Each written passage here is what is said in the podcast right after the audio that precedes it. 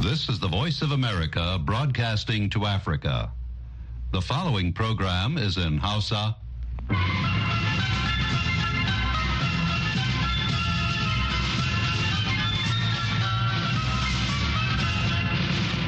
Sashen Hausa na muryar Amurka ke magana daga nan birnin Washington DC.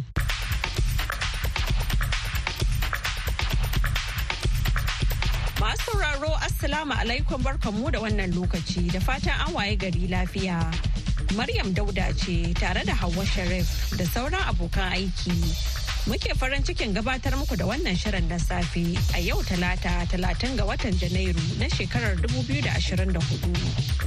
To kafin ku ji abubuwan da muke tafa da su da farko ga kanan labarai. Sakataren harkokin wajen Amurka Anthony Blinken ya yi gargaɗin cewa yaƙin kwatar kai da Ukraine ke yi da Rasha yana cikin haɗari. Amurka na duba yiwuwar yadda za ta sa Iran da dakaranta da ke Iraki da Siriya su yaba wa aya zakinta sakamakon wani mummunan harin jirgi mara matuƙi da suka kai a wata cibiya da ke arewa maso gabashin Jordan. jam'iyya mai mulki a afirka ta kudu ta anc ta dakatar da tsohon shugaban ƙasar jacob zuma daga jam'iyyar bayan samun da laifin yiwa wata jam'iyya ta daban kamfe. to madalla a cikin shirin namu na yanzu za ku ji ci gaban wata tattaunawa da muryar amurka ta yi da adamu makarfi mai sharhi akan harkokin yau da kullum akan batun yaƙi da cin hanci da rashawa a najeriya. Da aka tambaye shi shin ko ƙasar za ta iya magance wannan babban ƙalubale sai ya ce. Ito za ta iya. Amma abu ne mai wahalar gaske. To amma ni abin da zan iya cewa ƙasashe da suka ci gaba babban abin da suka samu shine kishin son kasa a cikin zukatansu. Muna tafi da ƙarin bayani nan gaba. Kamar yadda muka saba a kowace ranar talata a wannan lokaci, yau ma muna nan tafa da shirin tsaka mai wuya. Wanda zai kawo muku ci gaban tattaunawa akan hukunce-hukuncen kotun kolin Najeriya game da zaɓukan gwamnonin wasu jihohin Najeriya. Amma kafin nan sai a gyara zama a saurari labaran duniya kashi na farko. Jama'a Assalamu alaikum barkamu da asuba ga labaran duniya mai karantawa Hauwa Sharif. Amurka na duba yiwuwar yadda za ta sa Iran da dakaranta da ke Iraq da Siriya su yaba wa aya sakamakon wani mummunan harin jirgi mara matuki da suka kai a wata cibiya da ke arewa maso gabashin jordan yayin da take nazarin yadda ma aka yi jirgin ya dira a ɓangaren tsaro na sararin samaniyar da ke cibiyar. Wani jami'in amurka ya faɗa a yammacin jiya litinin cewa uku daga cikin dakarun na kota kwana na ɓangaren injiniyoyi na ɓangare na 718 da suka fito daga fort moore georgia duk sun rasa ransu. Yayin da jirgin mara matuƙi ya runtuma akan rukunin gidansu da ke hawa na 22 a cibiyar da ke kusa da kan iyakar Siriya da ke aikin haɗin gwiwa ƙoƙarin da ake na ganin bayan ƙungiyar fafutukar kafa ƙasar musulunci ta IS. Wani jami'in Amurka da ya magana da muryar Amurka da ya nemi a sa kai sunan shi domin ya saki jiki ya yi magana akan batun ya ce harin da ya shammaci dakarun Amurkan sa'a ce kawai aka taka inda jirgin ya isa cibiyar a daidai lokacin da wani jirgin Amurka mara ke dawowa daga wani aiki. A jiya Litinin ne sakataren harkokin tsaron Amurka Lloyd Austin ya dawo bakin aiki a Pentagon bayan shafe kusan wata guda bayan sakamakon cutar kansa da ya kamu da ita inda ya gana da sakatare janar na ƙungiyar kawancen tsaro ta NATO Jens Stoltenberg.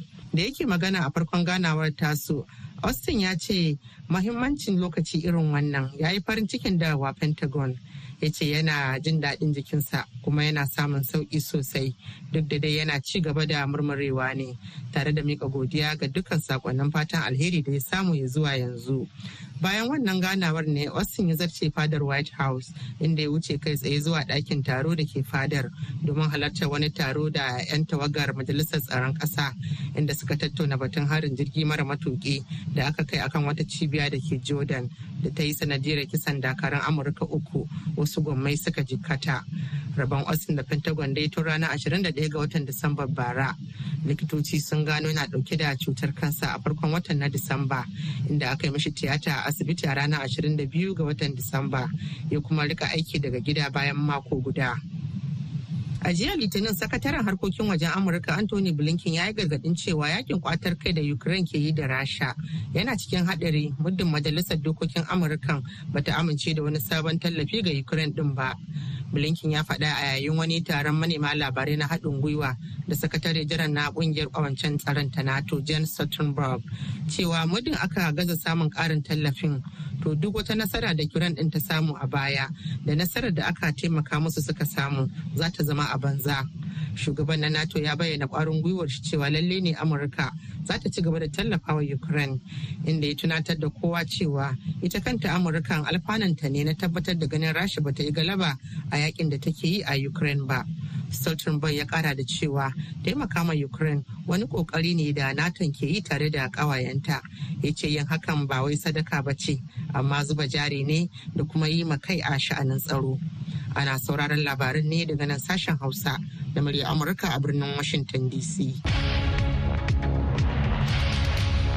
madalla kafin ku ji karashen labaran duniyar za mu leƙa ɓangaren rahotanninmu. Idan masu sauraro ba su manta ba a shirinmu na safiyar jiya litinin mun fara kawo muku tattaunawar da Hauwa Sharif ta yi da Adamu Makarfi masanin harkokin yau da kullum inda ya yi bayani akan kalubalen da ake fuskanta a Najeriya wajen yaƙi da cin hanci da rashawa. A ci gaban tattaunawarsu, makarfi ya yi bayani akan yadda abubuwa suka canza idan aka kwatanta da wasu shekaru a baya da kuma mafita a wannan ƙalubale. A shekarun baya can masana tarihi sun nuna cewa Najeriya nan fa ba haka take a can baya ba an yi shugabanni masu kishin kasa waɗanda suka sa ƙasa a gaba da ci gabanta da kuma ganin an ɗaukaki dukkan ɗan Najeriya ba tare da la'akari da addininsa ba ko kuma inda ya fito da sauransu. Aka san abin da ake gani a yau. Shin a ganin ka a ina aka saki layi ne ha abubuwan suka kazance haka? Wato ni gaskiyar magana a inda aka saki layi wato daga lokacin da ya kasance ba abin ka'ida na tafiyar da aikin gwamnati. Misali bari in kawo. Akwai lokacin a baya can lokacin da ake mutuntawa kuma ake bin ka'ida yadda ya kamata. Akwai lokacin da aka ce shugaba zai ce yana neman a bashi fuloti. Takardar neman fulotin ma kaga an yayyaga ta. An ce ba za a bashi ba. In ya yi tambaya me yasa? A ce a'a kai da za ka ba da kuma ka shiga ciki. To yanzu ko za ga da zara aka ce mutum yana shugabanci irin fulotai ka gan guda ɗaya zai iya mallakan guda ɗari ma ba kunya bai damu ba. Kin ga tun daga nan kin ga ai an saki layi. Domin abin da ya kamata kamar yadda nake cewa duk inda ba a yi adalci ba bai abi ka'ida na aiki yadda ya kamata a tafi da shi ba ai an samu matsala. Saboda haka muna fatan Allah ya sa irin waɗannan abubuwa da aka yi na baya za a ga shugaba yana kan madafin iko a baya ka ji an ce har ya gama ba shi da gidan kanshi. Motan ma da zai hau sai ya yi bashi sannan ya samu ko daga ɓangaren gwamnati ko wani. Wanda ko a yanzu daga ran da aka ce yau mutum ya samu madafin iko idan ana sayan motoci guda ɗari yanzu nan za ga ya saya ya mallaka. Kuma gidaje irin na alfarma irin wanda kowa ya san abin da yake ɗauka. Idan da zai shekara ɗari na ɗauka ba zai iya gina irin wannan gida ba. Yanzu kuma za ga abin da akwai kazanta sai dai a ce Allah ya sauwaka. Kana ganin Najeriya za ta iya magance batun cin hanci da rashawa? Ito za ta iya. Amma abu ne mai wahalar gaske. Kamar yadda ko tun farko a sharhin da kika yi kika ce abin ya yi katutu.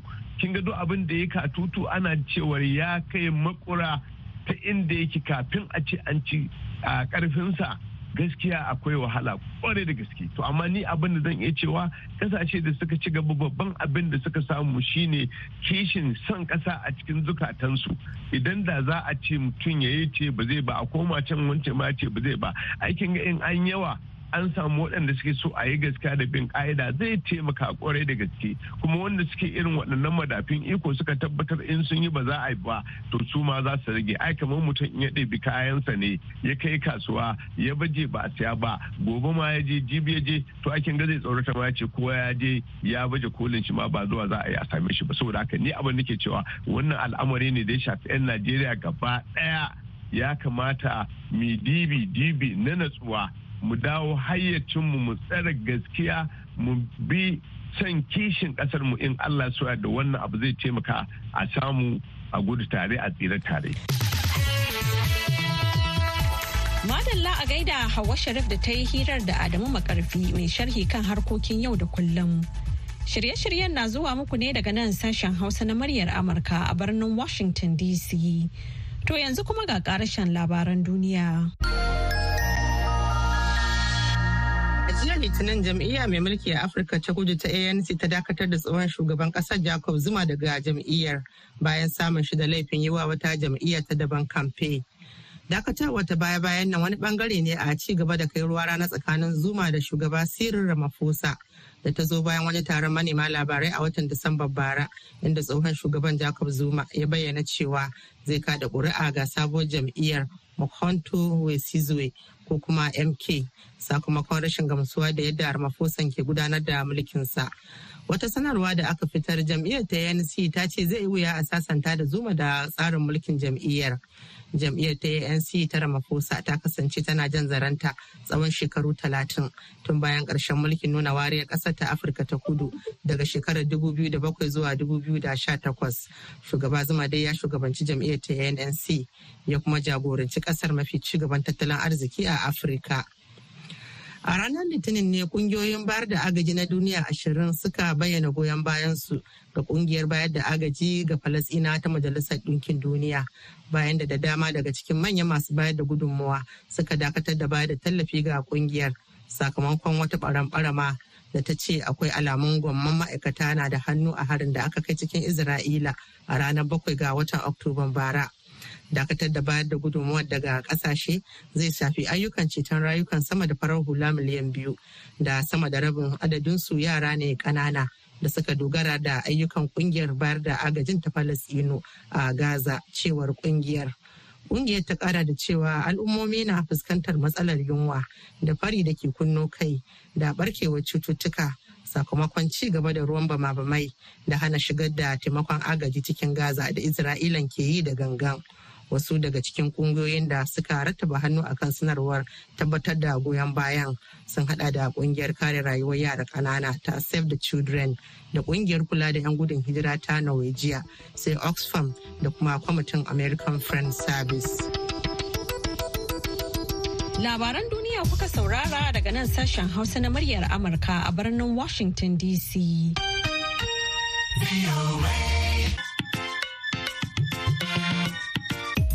yanzu kuma ga shirinmu na gaba. Tsaka mai wuya. Yana da wuya ai da mai kama ake kota.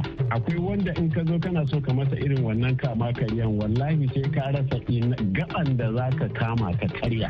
Dole ka haƙura ka bar shi a haka. Wani abin ba ba tsoron allah ake ba tsoron yari ne kawai. Wato in kana faɗa haka kamar kana nuna cewa ne wato jam'iyyar apc ita take da wato kotu a hannunta. Bi ma'ana ita take ba wa kotu umarni ta zartar da abin da ya kamata da kuma wanda bai kamata ba.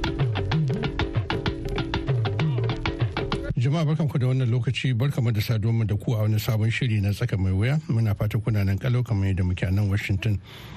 A ranar Alhamishin da ta gabata 25 ga watan Janairun shekarar nan ta 2024 ne kotun kolin Najeriya ta sake tabbatar da zama daram dam na gononi guda uku da suka gabata a wurinta domin yanke hukunci na ƙarshe dangane da kalubalanta zaɓensu da aka yi. Wannan gononin sun hada da gononi biyu na pdp da kuma ɗaya na apc na pdp dai su ne gwamnan jihar rivers minalayi fabara da kuma gwamna kefas abu na jihar taraba.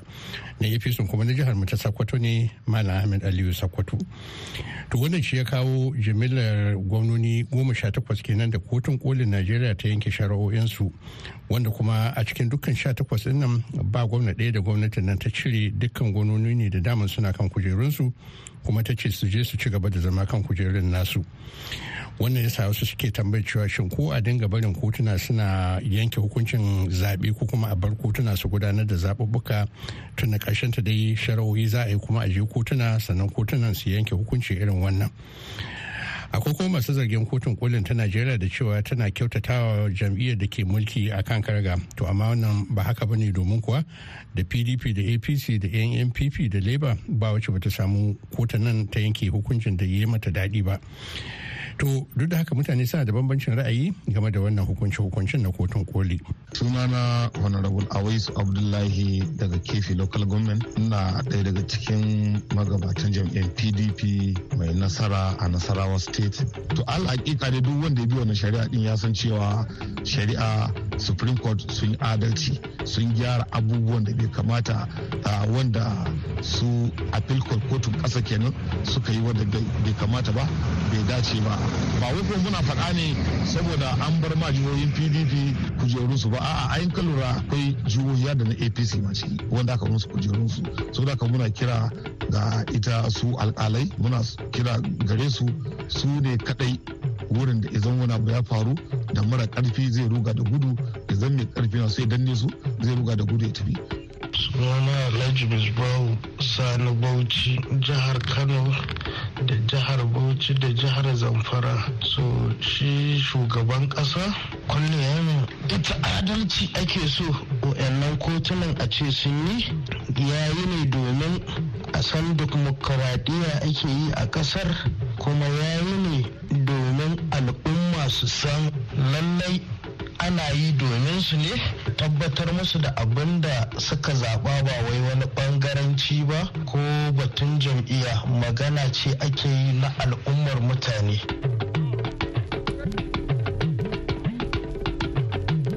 haka ne to za ku ji irin wannan musaya ko kuma bambancin ra'ayi a cikin muhawarar mu ta wacce ci gaba ce daga wacce muka fara ji a tsakanin lauyoyi guda biyu ɗaya na ɓangaren apc ɗaya na ɓangaren pdp na ɓangaren pdp shine barista dahiru abdulhamid wanda shine ya tsawa gwamnan jihar bauchi bala muhammad a shari'a da aka yi a can kotun koli din na apc kuma shine barista yusuf sallau mutum biyu daga jihar taraba.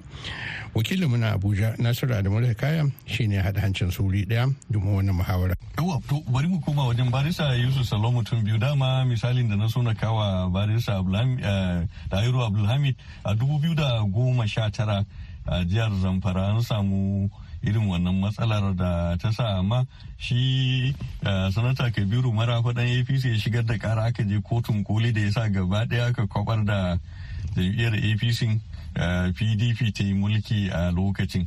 Barista yusuf salon mutum biyu abin da nake son korafi da na ji mutane suna yi ko kuma bayanan da suka faɗa kamar apc ta lura mutum yana ma jam'iyyar tasa ba wai dole sai an ƙwace jam'iyyun ba ne ko jihohin ne za su sa jam'iyyar ta ci gaba da nasara. In an duba abin da ya faru nan ma a zaɓen 2023 inda Nelson Wuke tsohon gwamnan Rivers yana ma cikin jam'iyyar tasa. Ta PDP amma ya yi mata makarkashiya da ya jawo ba ta samu nasara a zaɓen shugaban kasa ba. Wato in kana faɗa haka kamar kana nuna cewa ne wato jam'iyyar APC ita take da wato kotu a hannunta bi ma'ana ita take ba wa kotu umarni ta zartar da abin da ya kamata da kuma wanda bai kamata ba. To ina kuma gaskiya duk wanda ya tunanin haka bai adalci ba saboda idan ka lura da abubuwan da suka faru zaka gane cewa jam'iyyar apc ta lullube hannunta ta yi shiru ta bar kotu ta yi aikinta kamar yadda dokan kasa ta faɗa. Kowane ɓangare kamar yadda na faɗa da farko kowane ɓangaren gwamnati ɓangaren shari'a ta yi abin da ya kamata gwargwadon ilimin su gwargwadon abin da dokan kasa ta ba su dama. Wannan kuma shi abin da ya yi guda a yau. Yusuf salo mutum biyu abin da in haka ne ya akwai abin da ka faɗa kace apc ta bar kotu. Wato inda ta ga dama ba za ta bar ta ba kenan. Ta bar kotu kamar yaya? Eh ta bar kotu ta yi aikin ta matsayin da matsayin kotu ko sashen shari'a mai zaman kansa. Kwarai ko in ka duba abin da ke faruwa da a Najeriya a baya wanda jam'iyyar PDP ta yi ruwa ta yi tsaki kuma ta yi fice ta yi suna a irin wannan gwagwarmaya da irin wannan kama karya wanda duk kowa ya sani a shekarun baya ba tare da na kira suran gwamnati ta shuɗe ba. Amma mun sani a lokacin baya an yi irin wa'annan yanayin wanda shugaba daga sama zai ba da wato umarni ga kotu kuma za ga umarnin da shugaban ya bayar shi ake aiwatarwa a ƙarshe to amma kaga a nan a yanzu saboda wato tsoron allon shugabanninmu da kuma ganin cewa ya dace a bar dimokuraɗiyyar nan ta rayu yadda ya kamata aka bar kotu ta tabbatar da abin da take ganin shine adalci ba tare da an mata ba. Barin tare salon mutum biyu a nan za mu ce shugaba Tinubu a wajen ku yana da tsoron Allah kenan. Ato, wannan a tsoron Allah kuma kaga abu ne wanda mutum ba za ka iya shiga zuciyar dan adam ba, amma dai a zahiri. Ai yanzu kai ka faɗa kace shugabanni. tattaunawa a yau akan abin da ake tattaunawa a yau da kuma abin da ya faru a yau wanda shugaban yana da ƙarfin mulki kuma yana da zai iya yin shi ma ta'addancin da aka yi da a baya amma ya ƙi to haka ne ya nuna cewa akwai alamar tsoron Allah ta tare da shi domin in ba haka ba da shi ma zai iya yin abin da wa'ancan yan adawan suka yi da a baya. Yawa barista Dairu Abdulhamid ka ji zargin da shi Yusuf Salon mutum biyu ya ce wataƙila ya nuna kinan da jam'iyyar PDP ke mulki da maganar a samu wannan adalcin da har jihar Bauchi gwamna Bala ya ci gaba da mulkinsa da zai yi wahala kenan. A wannan ra'ayinsa ne su dai 'yan siyasa kan aiko ya san 'yan siyasa a yanzu a wannan gwamnatin ma yunkurin yin irin wa'ina abubuwan ba wai ba a yin su ba ne. Amma akwai abubuwan da duk iya ƙoƙarin ka ka kauda shi idan baka samu kamar magana da na faɗa bayani in baka samu inda za ka kama ba yana da wuya ai da mai kama ake kota akwai wanda in ka zo kana so ka masa irin wannan kama karyan wallahi sai ka rasa gaban da za ka kama ka karya. Dole ka haƙura ka bar shi a haka. Wani abin ba ba tsoron allah ake ba tsoron yari ne kawai. Ni a gani na da haka doka ne idan idan kace za ka yi katsalandan wa doka karara a fili to gaskiya yana haifar da abubuwa masu illa da yawa. Wanda kai kanka in kana jin ka dan kana mulki ne za ka irin wannan kama karyan. To ƙarshe sai ka waye gari mulkin ba zai yiwu ba. Saboda da kake mulkan su ai sai ka kamanta za su yadda kai shugaban su ne su baka haɗin kai a cikin komai a tafi tare a tsira tare. Ko ba haka ba ne yau wato a nan barista ɗairu abdulhamid bari ma mu shiga jihohin nan wayanda aka riga aka yanke hukuncin su akalla mu yi misali da kamar jihohi uku haka. Bari fara da shi barista yusuf sallau mutum biyu. Barista yusuf sallau yi mana bayani kamar jihar bauchi inda shi dan takaranku air marshal sadiku abubakar ya tsaya takara. Menene ya sa kuka dage sai da kuka kai har ƙarshen wannan shari'ar? Hato, ai duk lokacin da kake ganin cewa haƙƙi naka ne kuma kana tunanin cewa an ƙwace maka wannan haƙƙin da ƙarfi aka danne ka aka ƙwace, to lalle kuma ya kamata ka bi duk wata hanya da ya kamata ka ƙwace wannan haƙƙin naka. Don haka tsoron farko da aka ayyana shi wato gwamna Bala Abdulkadir a su 'yan jam'iyyar APC musamman shi Air Marshal ya ga cewa an danne mai haƙƙinsa ne saboda yana ganin cewa shi ya kamata a ce an ayyana a matsayin wanda ya ci wannan zaɓe. Lura da irin jama'an da yake da shi da karɓuwa da yake da shi a jihar Bauchi lura da yadda jam'iyyar PDP ta ruguje a jihar Bauchi ta samu matsala ta kowane ɓangare to a zahiri kowa yana ganin kamar lalle haka in ne ya kamata a ce an ayyana. To tunda ko ba ayyana shi ba kaga bai yi laifi ba tunda doka ta ba shi dama ya nemi haƙƙinsa a kotu. To ya je kotun farko ya je kuma kotu na ƙarshe. Amma a ƙarshe dai kaga yadda abu ya kasance. Don haka dole ne yana da haƙƙi ya bi haƙƙinsa ya karɓi haƙƙinsa kamar yadda yake tunanin cewa shi ya ci wannan zaɓen. Wato dai babban abu lura da kace kamar PDP ce ta wargaje shi yasa APC ya kamata ta dawo ta ci gaba da mulki a jihar Bauchi kenan. Eh to kusan haka in ne saboda an kan lura da irin yadda suka tafi da gwamnatin su lalle akwai alamomin tambayoyi wanda da yawa ba su gamsu da yadda ake gudanar da gwamnatin ba. Kuma an ka duba wato akidojin su na PDP to nan ma abun tambaya ne in ka hada shi kai kace za ka kwatanta shi da irin akidodin da jam'iyyar APC take tafiya da shi. Za ga cewa lallai akwai buƙatar a sauya wannan tafiya da ake yi. Eh bari a ƙarshe in Allah da za mu zo magana akidu za mu rufe da akidojin jam'iyyar APC da ko akidar APC da PDP ko adawa. Barisa Dairu Abdulhamid ka ji abin da shi Yusuf Sallo mutum biyu ya ce ga dalilan da ya sa aka maka shi sanata bala kaura a kotu.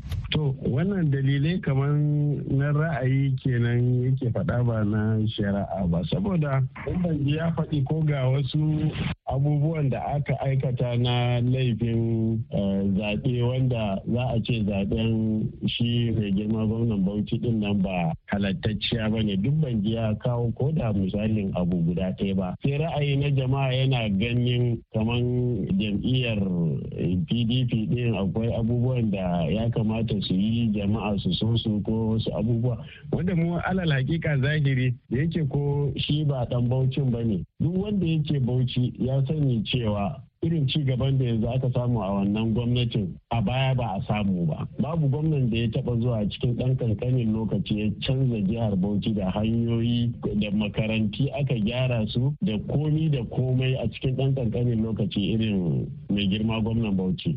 Ne yanzu. Bari a gurguje mu eh ko da ke ba ayyuka ma za mu lissafa ba da akwai magana rikice-rikice ne ya ce jam'iyyar PDP ta kamar ta mutu ne ma a jihar Bauchi ya sa ba ta da wani tasiri kenan. To ta mutu har aka zo aka yi zaɓe aka zaɓe ta kuma ta ci zaɓen nan aka dinga shari'a tun daga tribunal har court of appeal har supreme court babu wanda ya taba ta da jijiyan wuya ya ce wani abu. Yamma ana ta cewa sai za a gana sai iya marshal sai iya marshal. ana ta faɗa abuja lokacin. Amma su faɗan dai su suna faɗa amma ka zo baucin mana ka ga jama'a yadda suke cikin kwanciyar hankali da walwala. Suna kuma jin daɗi ba su ma san ana wannan sai air marshal is coming din a kotu fa ake yi. Ka je cikin garin bauchi babu inda za ka ji marshal is coming. Amma an zo kotu za ka ji ana marshal is coming is coming. Gaskiya ni mun zo kotu na jin su suna faɗa. Amma a cikin gari duk iya yawo na ban ga inda na wuce a wani secret aka ce mani marshal is coming ba. Barista Yusuf Salo mutum biyu mu koma misali kamar jihar Zamfara inda tsohon gwamnan jihar Bello Matawalle yanzu wanda shine ƙaramin ministan tsaro shi ma ya kai kara ka kotun ɗaukaka kara ta yanke hukunci a soke zaɓen wasu ƙananan hukumina jin guda uku ne inda aka ɗaukaka kara zuwa kotun koli faɗa mana abubuwan da kuka dogara da su a jihar Zamfara da kuke ganin shi matawalle ne dace dawo gwamna a lokacin. To a gaishe ku, to bari mu jaya nan sai Allah ya kama rana wa mu zo mu kawo muku kashi na ƙarshe na wannan muhawara din inda daga cikin abubuwa za mu ji ya aka yi dauda lawan dare ya ƙwace zamfara daga hannun Bello Matawalle. Sannan kuma ya aka yi shi ma gwamnan jihar Plateau Caleb Mufuwan ya samu ya tsallake rijiya a kotun koli bayan kuma ya ji jiki a kotuna na baya. Sannan kuma wannan abubuwan da suka faru a kotun koli ta najeriya din suna iya zama wani mizani da za a dinga kallon yadda za a dinga karkare shari'o'in da suka shafi shari'o'in zaɓe a najeriya. Duk wani abubuwa ne da za su zo muku a rana wata yin allah ya kama yanzu dai muna son mu yi godiya ga su bakin namu. Lauyoyinmu guda biyu barista dahiru abdulhamid da kuma barista yusuf sallau mutum biyu. Da ko musamman shi wakilin namu nasiru adamu kaya na abuja wanda ya haɗa hancin wannan muhawara a can abuja da aiko mana ita muka kawo muku. A madadinsu aliyu mustapha sakwata ne a washington. Mun ba ku lafiya.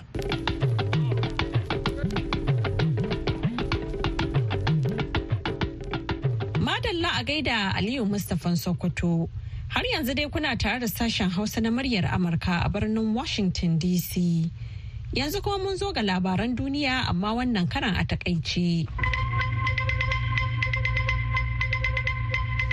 amurka na duba yore da za ta sa iran da dakaranta da ke iraki da siriya su yaba wa aya zakinta sakamakon wani mummunan harin jirgi mara matuki da suka kai a wata cibiya da ke arewa maso gabashin jordan yayin da take nazarin yadda ma aka yi jirgin yaddira a ɓangaren tsaron sararin samaniyar cibiyar wani jami'an amurka ya faɗa a yammacin jiya litinin cewa uku daga cikin dakarun na kota kwana na ɓangaren injiniyoyi na 718 da suka fito daga fort moore georgia duk sun rasa ransu yayin da jirgin mara matuki ya runtuma akan rukunin gidajensu da ke hawa na 22 a cibiyar da ke kusa da kan iyakar syria da ke aikin haɗin gwiwa a ƙoƙarin da ake yi na ganin bayan ƙungiyar fafutukar kafa dole musulunci ta is wani jami'in amurka da ya yi magana da murya amurka da ya nemi a sa kai sunansa domin ya saki jiki ya yi magana akan batun.